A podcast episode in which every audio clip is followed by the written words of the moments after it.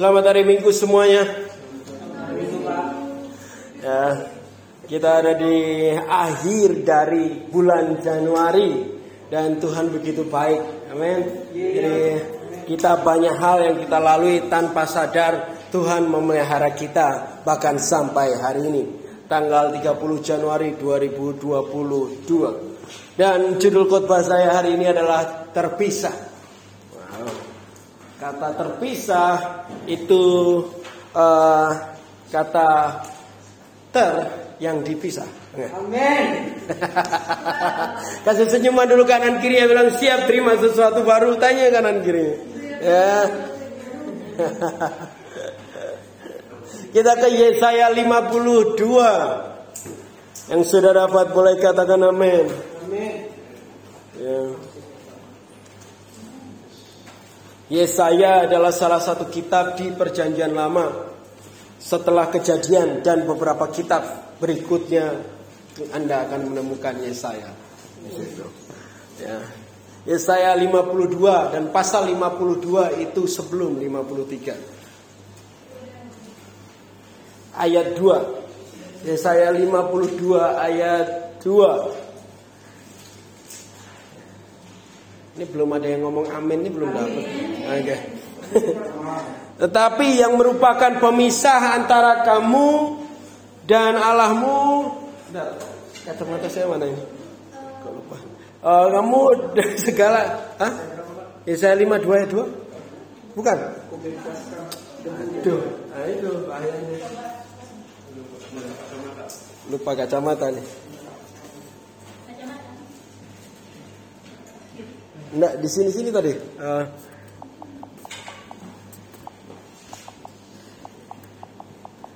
Bentar.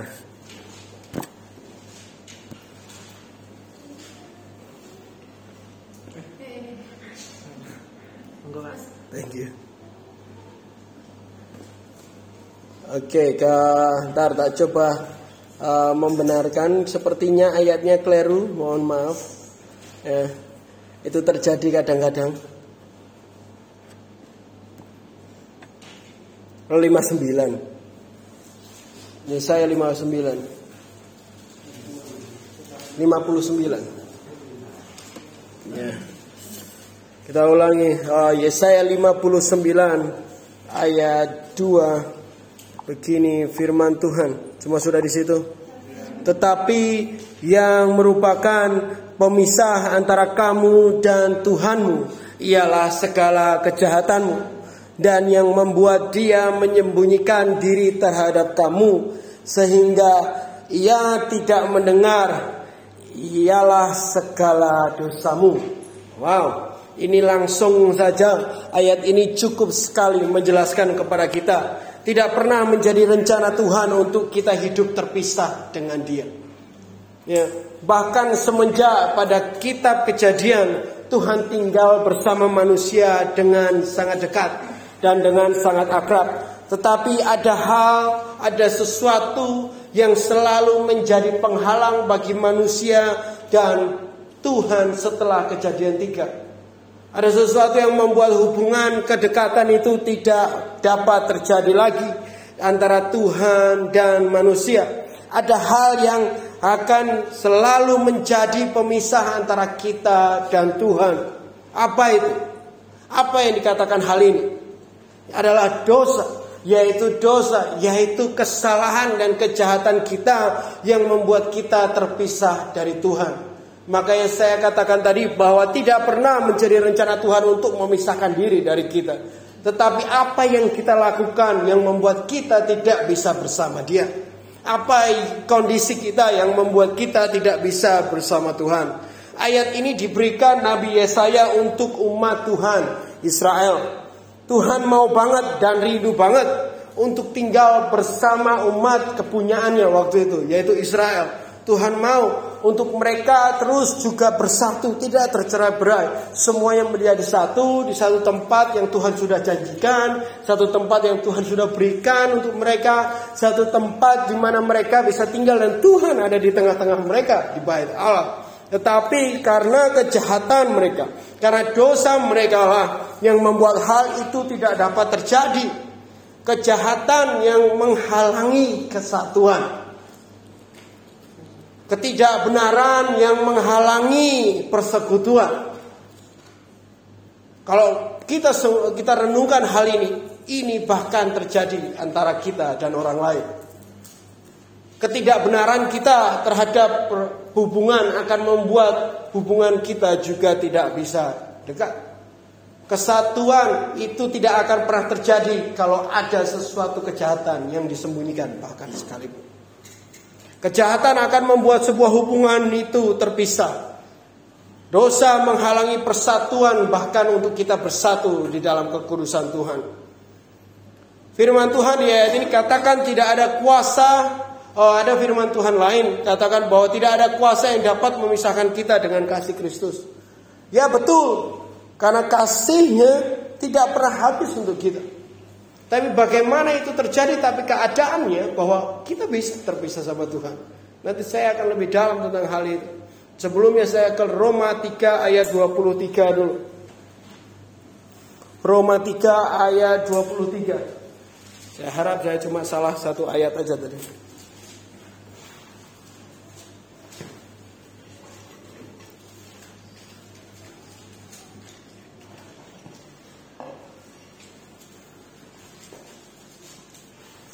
Roma 3 ayat 23. Karena semua orang telah berbuat dosa dan telah kehilangan kemuliaan Tuhan.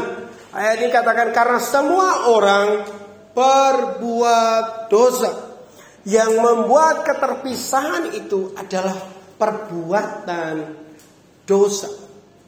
Perbuatan dosa yang memisahkan kita sama Tuhan berbuat dosa. Pahami betul-betul kata berbuat dosa hal ini. Karena perbuatan yang salah menurut kebenaran yang membuat kita tidak lagi dapat bersama Tuhan.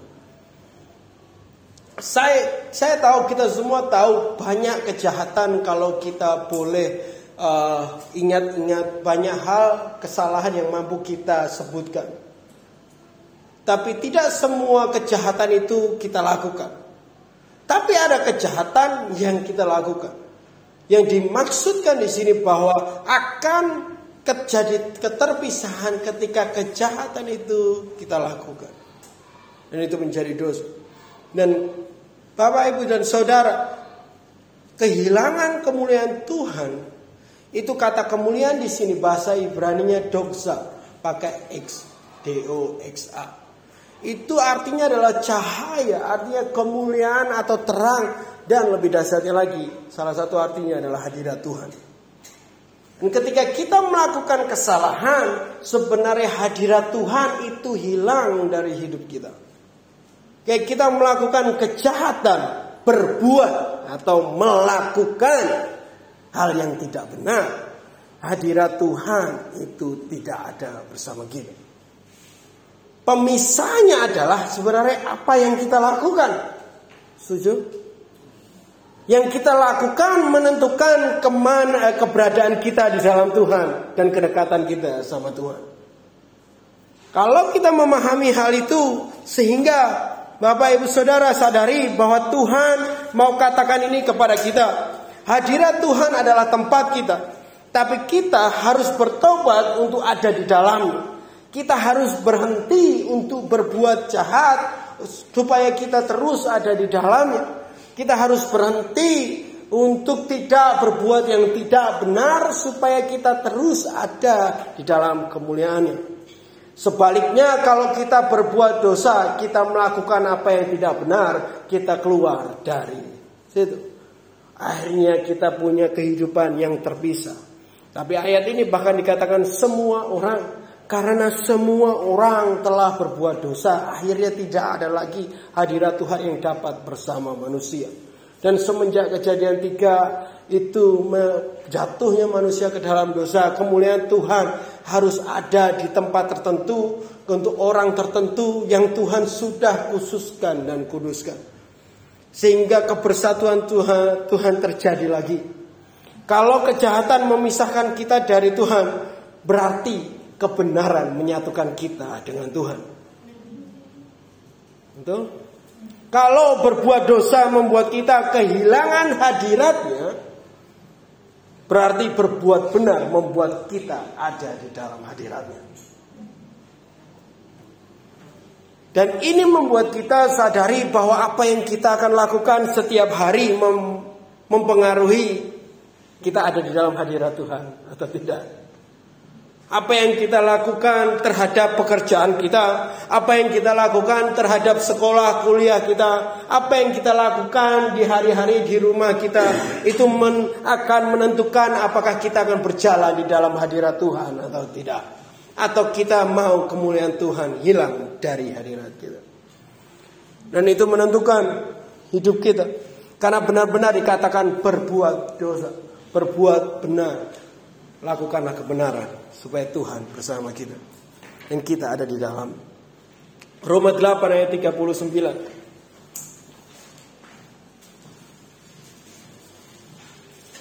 Roma 8 ayat 39 yang sudah dapat boleh katakan amin. Atau kuasa-kuasa baik yang di atas maupun yang di bawah ataupun suatu makhluk lain tidak akan dapat memisahkan kita dari kasih Tuhan yang ada di dalam Kristus Yesus Tuhan kita. Ketika saya berpikir tentang pemisahan manusia dengan Tuhan karena perbuatan kita, ayat ini keluar menjadi sesuatu yang saya perlu benar-benar renungkan apa maksudnya. Karena ayat ini ayat yang luar biasa, amin. Dikatakan bahwa tidak ada satupun kuasa di dunia dan di langit di mana pun mampu memisahkan kita dari kasih Tuhan. Banyak hal yang dapat kita dapat dari ayat ini kalau kita benar-benar merenungkannya. Teman-teman bisa belajar sendiri untuk hal ini begitu luar biasa. Tetapi sedihnya ayat ini banyak disalah pakai untuk orang-orang. Ayat ini mereka merasa tidak ada yang mampu memisahkan mereka dari Tuhan. Mereka perlu baca baik-baik padahal. Yang dikatakan di sini yang benar adalah tidak ada yang mampu memisahkan kita dari agapenya Tuhan. Bukan hadirat keberadaan Tuhan dan keberadaan kita bisa terpisah karena dosa. Kalau di dalam bahasa eh, Indonesia sehari-hari lebih mudah. Saya bacakan Bapak, Ibu dan Saudara boleh dengarkan baik-baik. Baik hal-hal yang di langit maupun hal-hal yang di dalam bumi atau apa saja yang lain semuanya tidak dapat mencegah Tuhan mengasihi kita. Seperti yang sudah ditunjukkannya melalui Kristus Yesus Tuhan kita ayat Roma 8 ini akhirnya kalau disalahartikan orang berpikir kita tidak akan pernah tidak selamat Akhirnya mereka hidup sebebas-bebasnya, seenaknya ada aja dan, dan berpikir tidak ada yang mampu memisahkan saya dengan Yesus. Nah, ayat ini sedang bicara tentang Tuhan mencintai, mengasihi kita. Tidak ada yang mampu menghalangi untuk kita dikasihi Tuhan. Kalau Tuhan mengasihi kita, tidak ada yang mampu menghalangi hal itu. Tapi keterpisahan kita, keberadaan kita tidak dalam hadiratnya sangat ditentukan oleh kesalahan yang kita lakukan. Sangat ditentukan dengan perilaku yang kita lakukan. Sangat ditentukan oleh apa yang kita hidupi setiap hari. Alkitab katakan akan tetapi Tuhan menunjukkan kasihnya kepada kita oleh karena Kristus telah mati untuk kita ketika kita masih berdosa. Artinya bahkan dia mengasihi kita sebelum kita hidup benar. Kalau Tuhan udah ngasih kita ngasih aja dan gak ada yang bisa menghalangi untuk Tuhan mengasihi kita. Bahkan kesalahan kita nggak bisa memberhentikan kasih Tuhan terhadap kita. Itu artinya ayat ini. Tetapi jangan pernah pakai ayat ini menjadi tameng kita untuk kita hidup sebebas semau gue. Karena apa yang kau lakukan menentukan di mana kamu berada. Apa yang kamu pilih dan putuskan menentukan di mana kamu berada di dalam Tuhan. Apakah engkau ada di dalam hadiratnya atau engkau di luar dari hadirat? Kejahatan kita, perbuatan kita yang memisahkan kita. Kalau dia mengasihimu, dia mengasihimu aja. Dan ayat ini kalau kita pahami betul seperti ini, kita malah bersyukur bahwa wow, dia mengasihi kita bahkan waktu kita selalu salah. Dia tetap mengasihi kita bahkan waktu kita bahkan tidak pernah mendengar dan mengabaikan. Tidak ada apa pun yang mampu menangkal kasihnya kepada kita. Tapi apakah kita mau melihat hal itu menjadi sesuatu yang kita bisa permainkan bagi Tuhan? Tapi dosa tetap buat kita tidak bisa dekat sama Tuhan. Walaupun kita tahu dia mengasihi kita. Dosa tetap membuat kita tidak ada di dalam hadiratnya. Walaupun kita tahu bahkan dia mati untuk kita. Kesalahan kita yang membuat kita terpisah dari Tuhan. Walaupun kita tahu dia mengasihi kita. Ayat yang terkenal di dalam kekristenan. Kalau teman-teman nggak perlu buka Alkitab lebih luar biasa. Yohanes 3 ayat 16. Ya, Siapa yang hafal di tempat ini? Karena begitu besar kasih Allah akan dunia ini sehingga ia telah mengkaruniakan anaknya yang tunggal supaya setiap orang yang percaya kepadanya tidak binasa melainkan beroleh hidup yang kekal. Wow. Karena begitu mengasihinya dia kepada kita, ia melakukan hal ini. Ini sudah hal yang begitu luar biasa. Saya rasa bahkan semua teman-teman tahu dan orang Kristen di rumah tahu betapa mengasihinya. Kasih bergerak untuk membongkar dan menghancurkan pemisah antara dia sama kita. Yaitu dengan darahnya dia mati supaya yang percaya tidak binasa. Artinya supaya yang percaya tidak terpisah terus. Supaya yang percaya tidak hidup dalam kejahatan terus. Kasih itu yang membuat saya dan saudara dapat merasakan hadiratnya hari ini. Kasihnya itulah yang membuat kita mampu untuk masuk dalam hadiratnya. Kasihnya itu yang memampukan kita yang tadinya kita terpisah menjadi layak untuk masuk bersama dia. Dia mau kita masuk bersama dia sehingga dia lakukan itu semua untuk kita. Tidak ada pemisah lagi. Pemisah itu dihancurkan oleh kematian supaya yang percaya tidak binasa.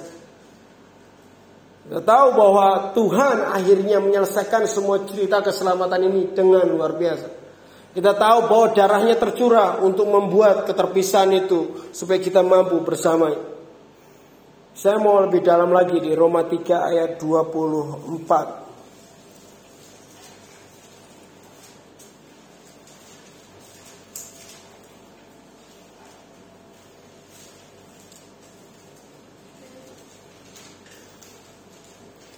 dan oleh kasih karunia telah dibenarkan dengan cuma-cuma karena penebusan dalam Kristus Yesus. Keterpisahan kita dengan Tuhan terjadi karena ketidakbenaran kita. Dari tidak benar dibenarkan, ayat ini katanya. Dari kehidupan kita yang enggak benar dibenarkan hanya oleh penebusan Kristus. Ini sedikit menarik. Kita melakukan sesuatu yang salah, melakukan sesuatu yang nggak benar, sehingga kita tidak benar. Tapi apa pun yang kita lakukan yang tidak benar itu, terus akhirnya karena penebusan Yesus kita menjadi dibenarkan. Jadi layak untuk dapat sesuatu. Dari tidak benar dibenarkan karena kematian Kristus akan muncul pertanyaan yang sulit untuk dijawab kepada kita. Loh katanya kita harus belajar untuk hidup benar. Tapi kenapa dikatakan kita dibenarkan karena kasih karunia? Artinya loh ngapain kita mencoba untuk melakukan sesuatu kalau memang itu semua hanya karena Tuhan? Ya kan? Pertanyaan itu jadi menarik sekali bagi kita. Jadi mana yang benar? Hidup benar kita peroleh hanya karena dia mengasihi kita. Artinya begini. Ya. Kita tidak lahir dengan itu. Kita tidak lahir dengan kemampuan untuk hidup benar. Kita semua tidak bisa hidup benar tanpa kasih karunia Tuhan. Kalau saya mau lebih jelaskan lagi, kita tidak, kita semua tidak bisa hidup benar tanpa kasih yang terus mengkaruniai kita tentang kebenaran itu. Di mana kebenaran itu? Di dalam dia sendiri.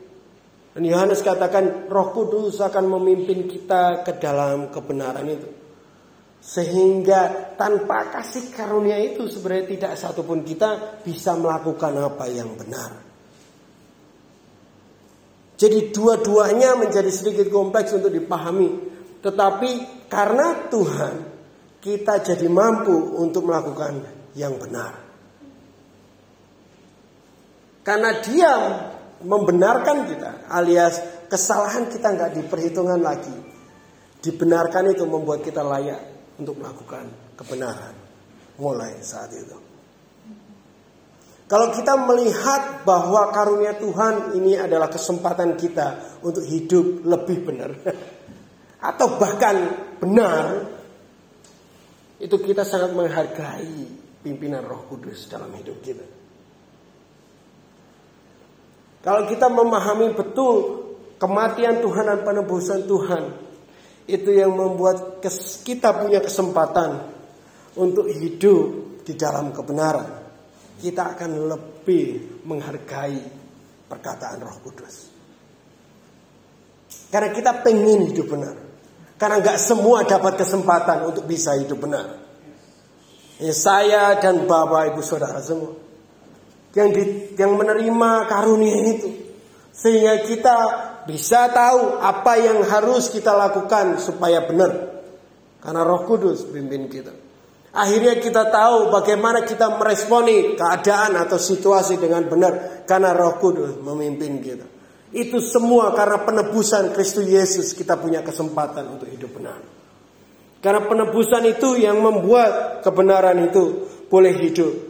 Kalau kita hidup benar, akhirnya kita tinggal bersama-sama dengan Dia. Kita tidak lagi terpisah. Kemuliaannya, hadiratnya terus bersama kita. Jadi sama dengan kalau gampangan kita untuk terus ada di dalam hadiratnya dan bersama dia kita butuh dia juga. Amen. ya? Ya kan? Jadi untuk terus tidak terpisah atau terus bersatu dengan Tuhan, kita bahkan butuh Tuhan. Untuk kasih tahu kita melakukan apa yang benar. Karena ketika kita melakukan apa yang benar, kita tidak terpisah dari Tuhan. Kita butuh Tuhan dalam semua ini. Sehingga waktu engkau bisa merasakan hadirat Tuhan itu bukan karena kamu nyanyinya lebih baik daripada orang. Ketika kita bisa hidup benar dan terus bisa mendengar dengan Tuhan lebih dengan dengan baik, itu bukan karena kita lebih punya kuping yang dibersihkan terus. Tapi karena Tuhan yang memberi kita kesempatan untuk hidup benar dan memampukan kita supaya nggak terpisah dari Dia. Supaya kita tidak salah. Karena ketika kita tidak benar, kita terpisah dari Tuhan. Tetapi ketika kita benar, kita bersatu dengan Tuhan. Dan ketika Tuhan memimpin kita untuk hidup benar, kesatuan itu terus terjaga bersama Dia. Persekutuan yang manis, muka dengan muka, Mas Mur katakan, bertemu muka dengan muka, berjumpa Tuhan, terus dekat, dengan dia karena kita terjaga oleh Roh Kudus Tuhan. Kita akan melihat kasih karunia Tuhan lebih besar dari hanya sekedar berkat dan kebisaan yang kita bisa dapatkan dari Tuhan. Karena bahkan untuk merasakan hadiratnya kita butuh Tuhan membenarkan dan mengajari kita untuk hidup benar. Kita tidak lahir dengan kebenaran. Kita pengen mungkin bisa hidup benar. Tetapi mengingini hidup benar sama hidup benar itu berbeda. Pengen benar sama hidup benar itu beda teman-teman. Bahkan Paulus bilang, aku tuh selalu pengen untuk lakukan apa yang benar, tapi kadang eh, sering keluarnya malah yang nggak benar. Siapa yang setuju dengan itu? kita pengen lakukan apa yang benar. Kita semua pengen dekat sama Tuhan. Amin. Tapi kok ya, akhirnya tidak juga. Kita pengen melakukan apa yang benar. Bahkan memilih pasangan yang benar. Tapi kok akhirnya enggak juga. Karena kepinginan sama menjalani kebenaran itu jauh berbeda. Hanya karena kebaikan Tuhan kita akhirnya mampu untuk hidup benar. Hanya karena kasihnya yang tidak bisa dihalangi dengan apa pun itu kita mampu hidup benar. Tuhan Yesus Kristus yang membuat kita mampu hidup benar sehingga kita ada di dalam kebenaran dan akhirnya kita punya persekutuan dengan Dia. Kita tidak lagi terpisah karena kebenaran itu yang Dia ajarkan kepada kita. Tanpa darahnya tidak satupun kita bahkan dapat melihat kebenaran bahkan ketika kita baca Alkitab. Makanya orang yang tidak terima penebusan Tuhan Yesus mau baca Alkitab ratusan kali tetap sama aja. Makanya saya tidak terlalu bangga untuk melihat orang bisa selesai dalam setahun seluruh Alkitab. Karena ini bukan tentang buku dan sebuah tulisan manusia yang terus dipelajari dengan analisa dan teori belakang. Tapi ini sebuah karunia kehidupan kebenaran tanpa kebenaran bahkan Kristus katakan Kristus yang akan membukakan selubung itu untuk mereka dapat melihat kebenaran. Tanpa dia kebenaran itu tidak menjadi apa-apa. Tulisan Alkitab hanya menjadi tulisan dan salah satu buku. Ada salah satu mahasiswa dulu tapi sekarang sudah bekerja dia post ini salah satu Twitter dia katakan waktu akhir tahun puji Tuhan akhirnya bisa juga kali ini aku menyelesaikannya. Ini udah yang kelima kalau nggak salah dia menyelesaikan lagi Alkitab. Terus lucu. Ini rekomendasi buku untuk siapa pun yang mau baca. Uh, genrenya action, ada sedikit plot twistnya, ada sedikit gitu-gitu dia ngomong. dia benar-benar mengomentari Alkitab seperti dia baca buku biasa. Dan dan dan menarik bagi saya karena karena wow bisa banget kau baca Alkitab dan tidak lihat kebenaran. Karena engkau nggak tahu kenapa kita harus hidup benar. Kenapa kita harus hidup benar? Supaya kita nggak terpisah sama Tuhan. Tanpa dia tidak satupun kita mampu berjalan menuju kebenaran. Karena dia adalah jalan kebenaran dan hidup. Karena dia yang memimpin kita. Dia yang menyatukan kita dengan dirinya sendiri. Dia yang membuat kita mampu dan layak untuk bersekutu kembali dengan dia. Ya kita tadinya terpisah Tapi dia melakukan semua hal Dia bersusah payah untuk kita bisa bersatu sama dia Dia bersusah payah untuk semua hal itu Karena begitu besar kasihnya Karena saking pengennya dia tinggal bersama kamu Saking maunya dia untuk engkau ada di dalam hadiratnya Dia korbankan anaknya yang tunggal lihat ayat itu seperti itu akan lebih luar biasa. Efesus 2 ayat 13.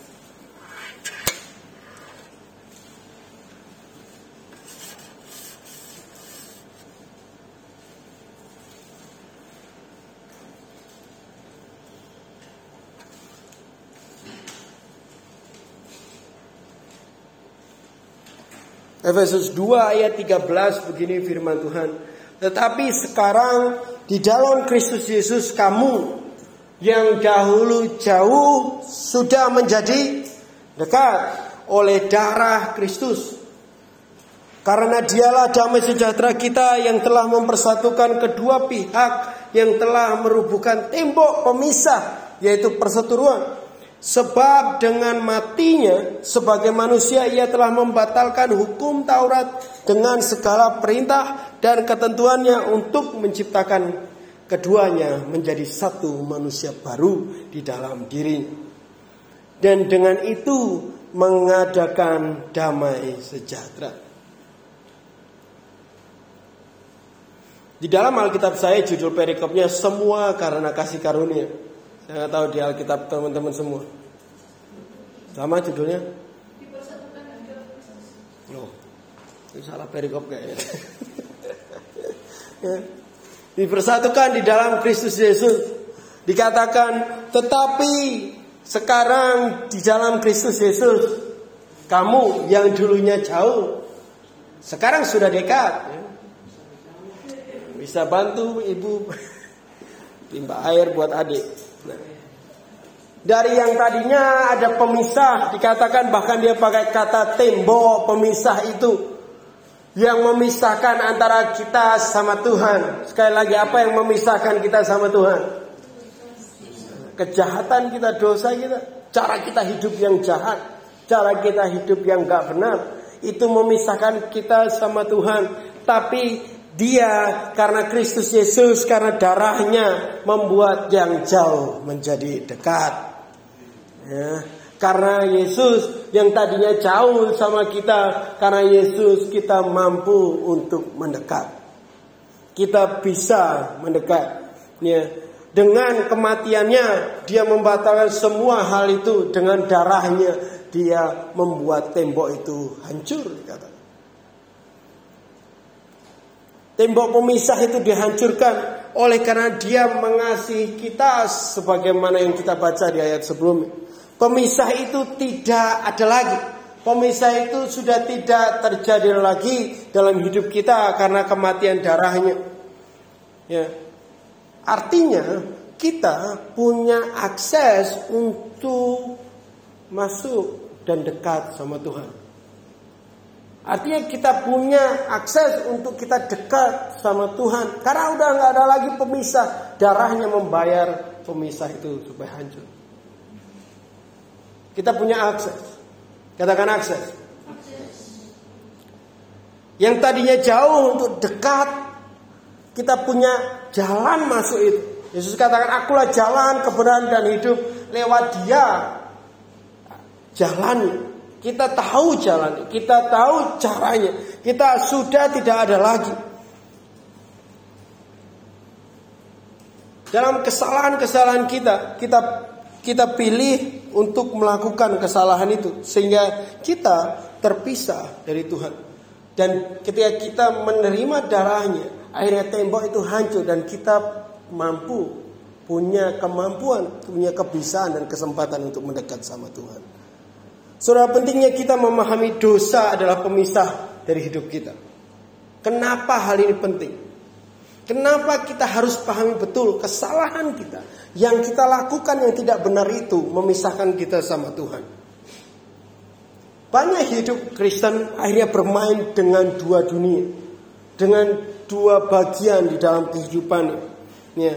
Tetap menjaga kesalahan atau ketidakbenaran, tetapi juga terlihat hidup benar.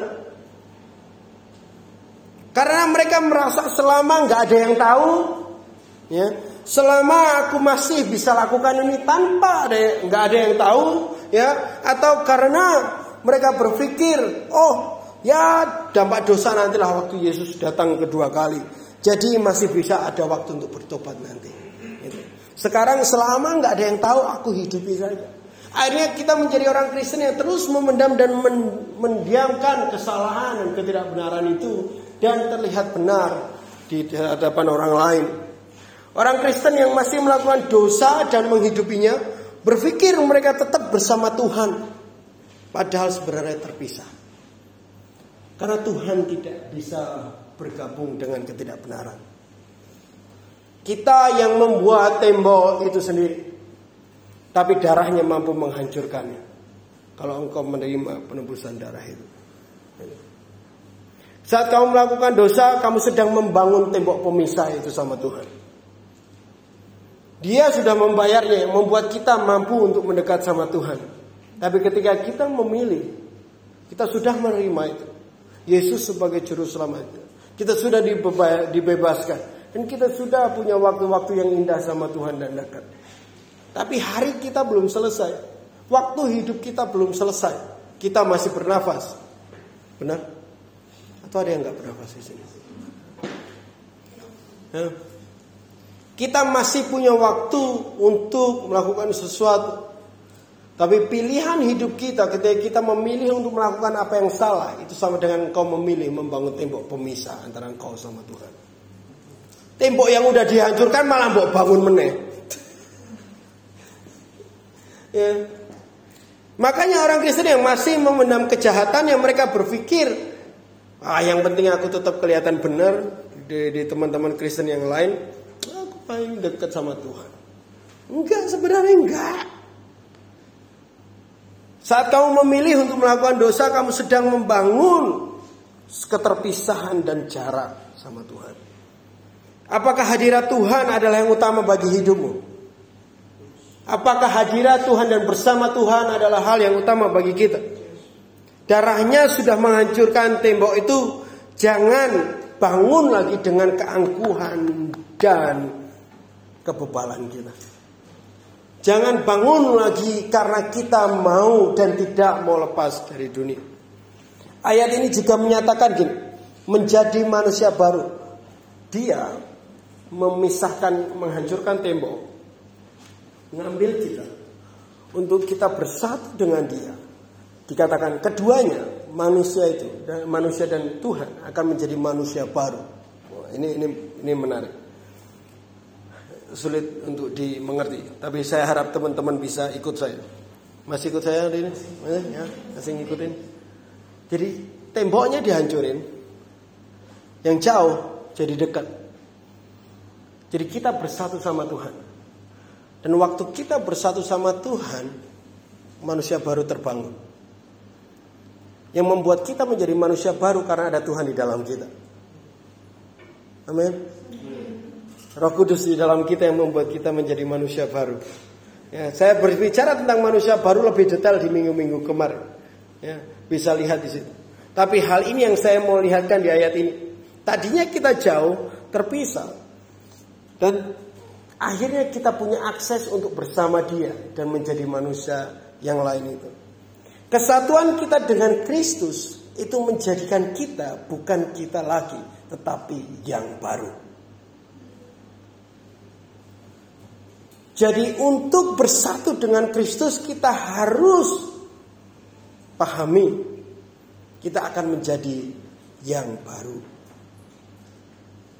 Kesatuan dengan Kristus harus kita sadari bahwa ketika kita bersatu dengan Kristus kita bukan yang lama lagi. Stanley yang lama sudah berlalu. Mora yang lama sudah berlalu. Kalian menjadi yang baru. Tetapi saat kita bersatu dengan Kristus ada hal lain di antara kita dengan dunia yang terjadi. Waktu Tuhan kita punya akses untuk bersama dia dan menjadi satu sama Tuhan juga ada terjadi sesuatu antara kita sama dunia. Siapa yang pengen tahu? Kita lihat di Imamat 20 ayat 26.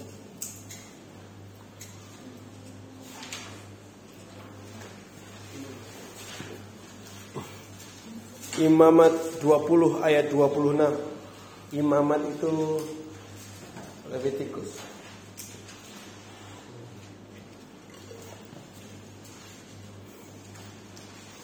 Imamat 3 ayat 20 ayat 26 yang sudah dapat katakan itu? Kuduslah kamu bagiku sebab aku ini Tuhan kudus dan aku telah memisahkan kamu dari bangsa-bangsa lain supaya kamu menjadi milikku. Saya bilang tadi, waktu kita bersatu sama Tuhan, ada sesuatu yang terjadi antara kita dengan dunia. Dikatakan di sini kuduslah kamu bagiku. Di dalam bahasa Indonesia sehari-hari begini. Kamu kupisahkan dari bangsa-bangsa lain supaya kamu jadi milikku. Kamu kupisahkan dari dunia supaya aku bersama kamu, kamu bersama aku. Yang terjadi adalah kamu bersatu sama Tuhan, tapi kamu terpisah dengan dunia. Sebelumnya kamu dan dunia satu dan terpisah dari Tuhan, Tuhan menebus kamu dengan darahnya menghancurkan tembok pemisah itu menjadi bersatu dengan engkau tapi engkau terpisah dengan dunia. Bisa mengerti? Ketika kita menerima hidup baru atau menjadi manusia baru harus pahami keterpisahan ini juga. Kalau enggak, kita akan merasa bahwa kita masih hidup dengan kuasa Tuhan dan menikmati dunia. Tidak. Kamu dipisahkan dari bangsa-bangsa lain. Kamu disatukan dengan Tuhan sendiri dan dipisahkan dari dunia. Jadi ini terjadi di dalam satu waktu yang sama. Sebelum kamu menyatu dengan dunia, ter, tapi kamu terpisah sama Tuhan. Ya, menjadi manusia baru artinya adalah bersatu dengan Tuhan dan terpisah dengan dunia. Bisa mengerti? Kamu tadinya di dunia bersatu sama dunia ini, tapi terpisah dengan Tuhan. Karena darahnya, kamu bersatu dengan Tuhan, tapi terpisah dengan dunia.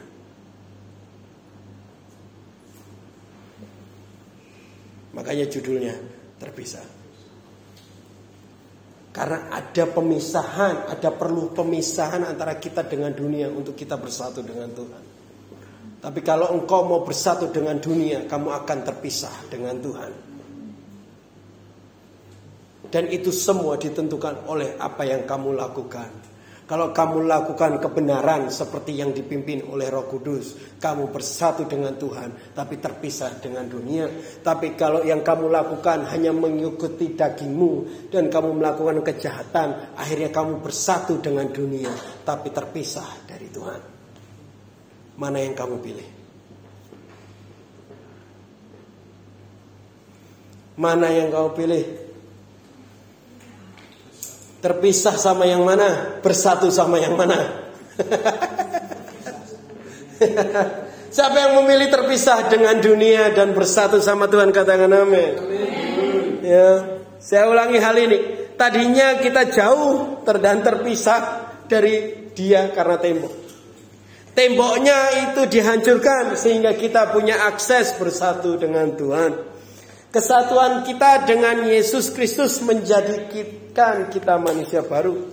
Tetapi saat kita bersatu dengan Kristus, ada hal yang lain terjadi antara kita sama dunia. Apa yang terjadi? Kita terpisah dengan dunia. Kita terpisah dengan cara hidup dunia. Bahkan umat Tuhan itu diajari cara hidup tersendiri supaya punya cara hidup yang terpisah dengan bangsa lain. Supaya terlihat mana bangsa Tuhan dan mana yang bangsa lain. Makanya perlu bahkan pemisahan kita tidak hanya terpisah tempat tinggal, tidak. Tetapi cara kita berbicara akan berbeda. Tetapi cara kita merespon akan berbeda. Tetapi cara kita mengelola keuangan akan berbeda. Tapi cara kita mendidik anak-anak juga akan berbeda. Karena Tuhan sedang memanggil engkau terpisah dari dunia ini. Hidupmu terpisah dari dunia ini. Amin. Bukan cuma status saja yang terpisah dari dunia ini. Tapi engkau terpisah. Kau masih ada di dunia, di dunia ini. Kita masih bernafas. Saya masih menginjakan kaki di dunia ini. Tapi kamu hidup kita terpisah dari cara dunia. 2 Korintus 6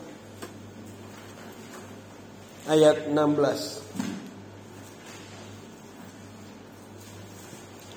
2 Korintus 6 ayat 16 sampai 17.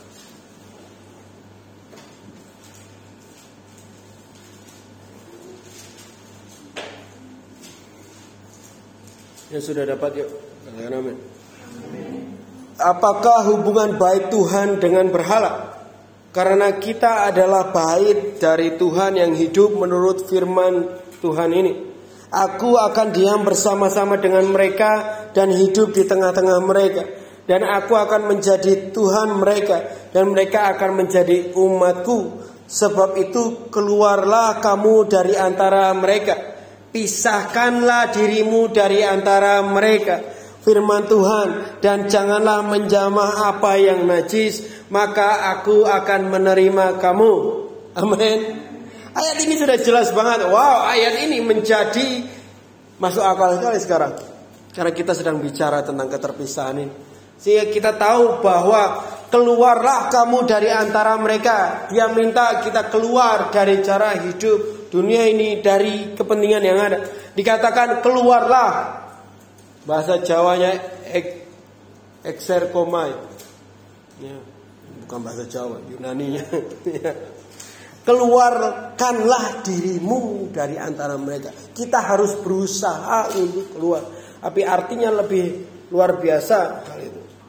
Kita harus benar-benar bertindak untuk keluar dari dunia. Dari mana kita perlu keluar? Dari mana kita perlu keluar? Bapak Ibu dan Saudara. Dari dunia ini. Dari cara mereka. Keluarkanlah dirimu. Ini sebenarnya bicara tentang apa? Keluar dari dunia ini. Tentang yang barusan kita pelajari hari Selasa. Pertobatan. Pertobatan bicara tentang berbalik dan ambil jalan yang benar. Jalan yang baru. Ya, Cara kita keluar adalah putar balik untuk keluar dari tempat yang lama. Amin. Kita putar balik untuk selesai dari cara kita bertindak yang salah ke bertindak yang benar. Untuk tidak lagi melakukan apa yang salah, terus melakukan apa yang benar. Untuk keluar dari dunia ini adalah untuk berubah menjadi dengan melakukan apa yang baru itu. Saya tahu kita semua mencintai hal-hal tertentu dari cara hidup kita yang lama. Uh, tapi hari ini saya cuma mau bilang bahwa kesatuan kita sama Tuhan ditentukan dengan keterpisahan kita dengan dunia. Pisahkanlah dirimu dari dunia dan bersatulah dengan Tuhan.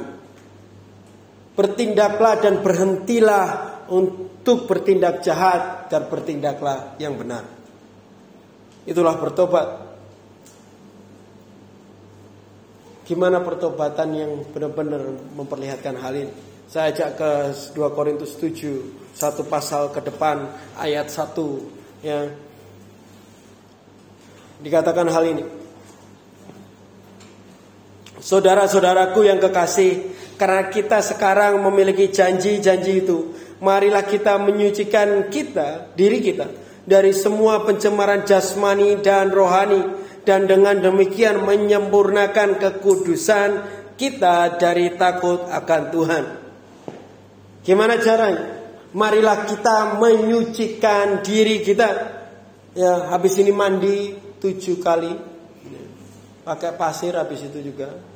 Pasirnya harus dari Gunung Semeru.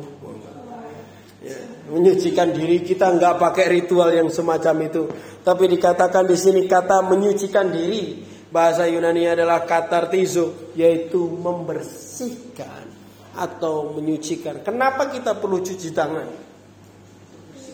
Untuk bersih. Karena ada kotoran yang lengket di tangan kita. Ada sesuatu yang perlu dikerjakan untuk dikeluarkan dan dibersihkan.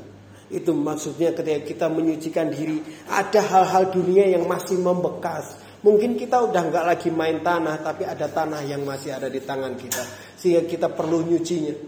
Masih ada sesuatu, mungkin kita sudah tidak melakukan apa yang dunia lakukan, tapi masih ada yang melekat di diri kita yang membuat kita kadang masih tergoda dan gampang banget. Kita udah nggak masih nggak bersih uh, dari hal itu, dan saatnya kita perlu benar-benar bersihkan, bersih, benar-benar bersih.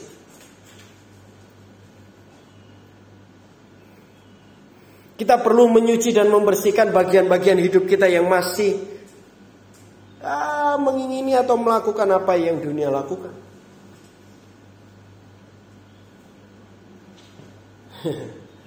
Saya ngomong terpisah benar-benar terpisah. Bahkan harus dengan iman. Ini pengalaman sendiri bahwa ketika kamu memilih untuk terpisah akan dunia ini. Karena Tuhan itu tidak terlihat. Sehingga kita perlu iman untuk melekat dengan dia. Bahkan perlu iman untuk kita mempercayai bahwa apa yang dia lakukan itu benar untuk hidup saya. Yang dunia tawarkan tidak benar untuk hidup saya. Kita benar-benar perlu membersihkan diri kita untuk lepas dari hal itu dan terpisah dari dunia. Ya. Kamu tahu hidupmu sendiri.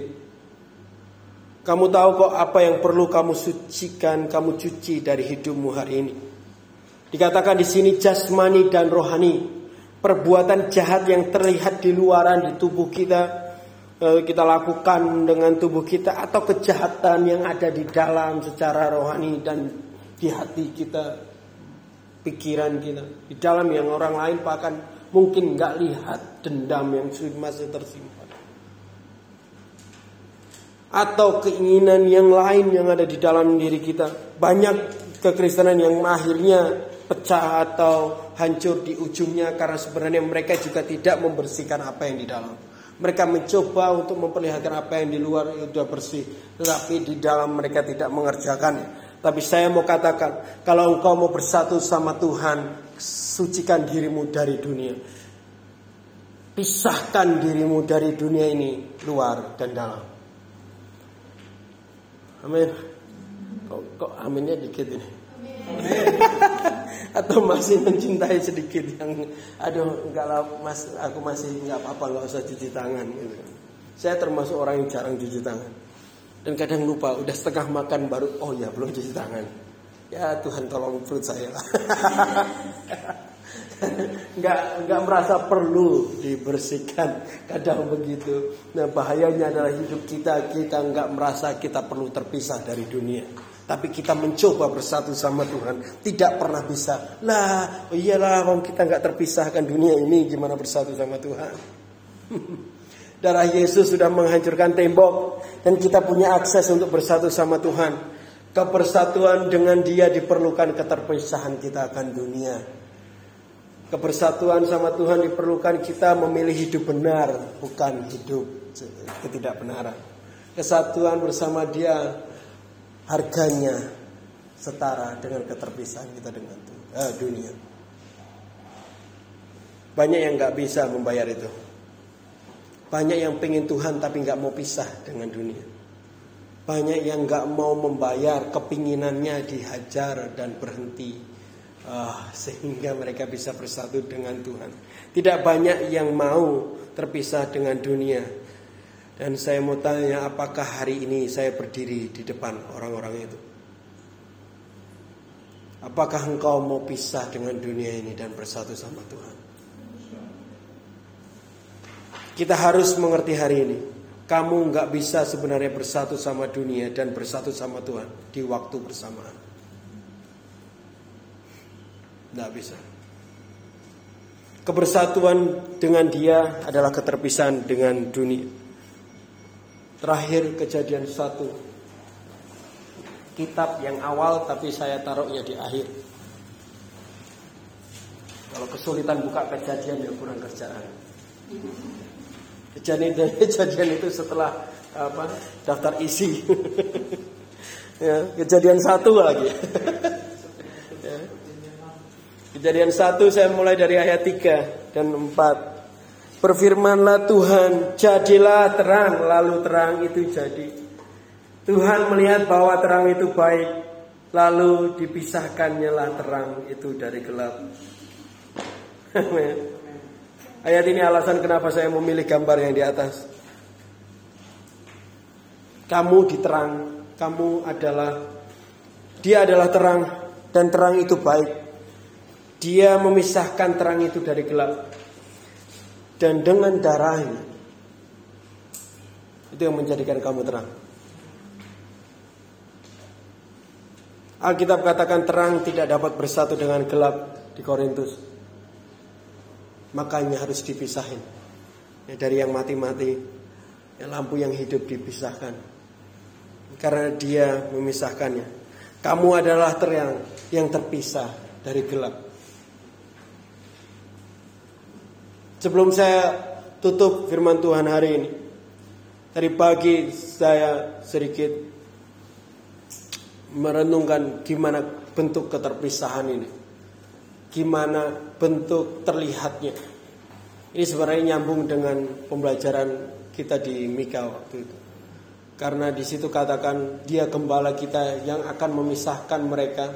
Dia memisahkan umat Tuhan untuk masuk di satu kandang. Akhirnya setelah itu dia yang melakukan terobosan untuk mereka bareng-bareng semua yang di dalam kandang itu keluar dari bangsa lain. Dan bentuk dari keterpisahan kita dengan dunia adalah dia akan membuat kita punya keterpisahan dengan dunia bersama-sama dengan orang yang terpisah dengan dunia dulu. Dan berdasarkan kedewasaan juga. Kalau kita oh, baru belajar di dalam hal ini, kita bahkan perlu hal yang sangat keras untuk memisahkan diri kita dengan kejahatan. Seperti halnya yang masih kecil-kecil bersama dan yang lain.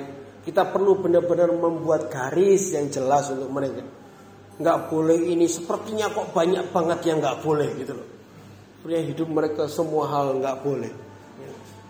Kita masih belajar di dalam Tuhan kita perlu garis itu. Di dalam pertemuan lain saya tunjukkan satu ayat yang katakan kalau engkau belum dewasa biarlah Taurat itu menjadi pagarmu. Kamu harus lihat Taurat itu sebagai penjagaanmu, sebagai keterpisahan dengan Tuhan. Ketika kamu belum bisa mengontrol dirimu, jangan marah kalau orang atau pemimpin memberitahumu untuk engkau harus terus terpisah dari kegelapan. Karena tujuannya adalah untuk kita semua pada akhirnya seperti di dalam kitab Wahyu berdiri di hadapan Tuhan tanpa cacat dan celah. Dan kita perlu memahami hidup kita terpisah dari dunia dan bersatu dengan Tuhan. Darahnya tercurah untuk kita punya kesempatan untuk bersatu dengan Tuhan. Hari ini biar kita semua belajar bahwa kita harus pastikan hidup kita terpisah dari dunia ini. Dan berhenti membangun tembokmu sendiri yang memisahkan engkau dari hadirat Tuhan. Surabaya yang mau untuk belajar hidup benar dan semakin bersatu dengan Tuhan. Dan semakin terpisah dengan dunia. semakin dekat dan erat dengan Tuhan dan terpisah dengan dunia. Sering saya uh, dengar, eh, bukan dengar, saya tanya diri saya sendiri. Kira-kira yang saya lakukan ini sama nggak cara dengan dunia ya? Saya lihat hidup saya apakah berbeda dengan cara dunia atau tidak. Kadang saya mau nanyakan diri saya sendiri. Karena saya rindu untuk terpisah dengan dunia. Ping ini rindukan terpisah dengan dunia dan bersatu sama Tuhan. Amin. Itulah firman Tuhan kita hari ini. Tuhan begitu baik untuk kita. Mari kita berdoa.